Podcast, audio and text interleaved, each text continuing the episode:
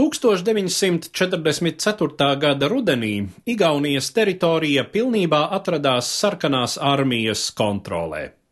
Atjaunotā padomju vara steidzās iedibināt šeit savu kārtību, tai skaitā arī iznīcinot iepriekšējo režīmu ideoloģiskos simbolus.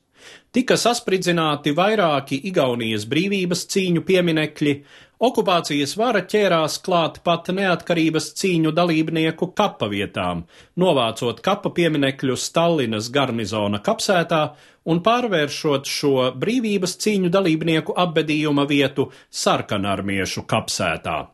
Savu monumentu uzstādīšanai kara apstākļos trūka līdzekļu, tāpēc pirmie pieminekļi atbrīvotājiem bija visai primitīvi. Piemēram, tas, kas tika uzstādīts tenismēgī jeb Teņa kalnā Tallinas centrā bija apmēram metru augsta un 20 centimetrus plata, zili krāsota dēļu piramīda ar sarkano zvaigzni galā. Tomēr 1946. gada 8. maijā, tieši pirms lielās uzvaras pirmās gadadienas svinībām, padomju Tallina palika arī bez šī pieticīgā ideoloģijas simbola. Pietika ar samērā nelielu spridzekli, lai koka konstrukcija sašķīstu šķēpelēs. Protams, šādu monumentu nenācās grūti atjaunot, jau nākamajā dienā līdzīgs veidojums stāvēja iepriekšējā vietā. Krietni grūtāks varai bija uzdevums atrast izaicinošā terora akta īstenotājus.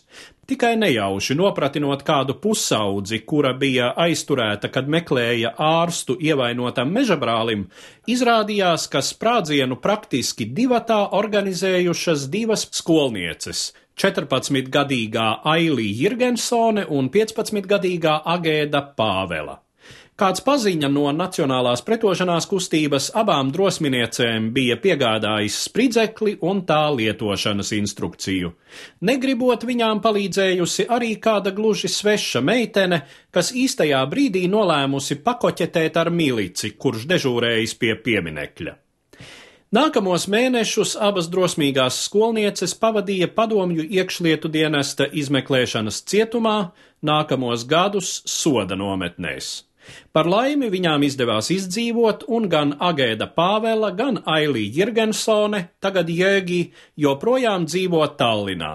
Skolnieču piemērs izrādījās iedvesmojošs, un jau drīz līdzīgi dēļu pieminekļi uzlidoja gaisā arī Rakverē un Tartu.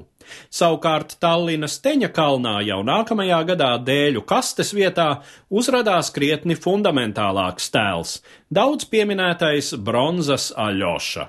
Kā zināms, gan ne uz mūžīgu palikšanu. Stāstīja Eduards Liniņš.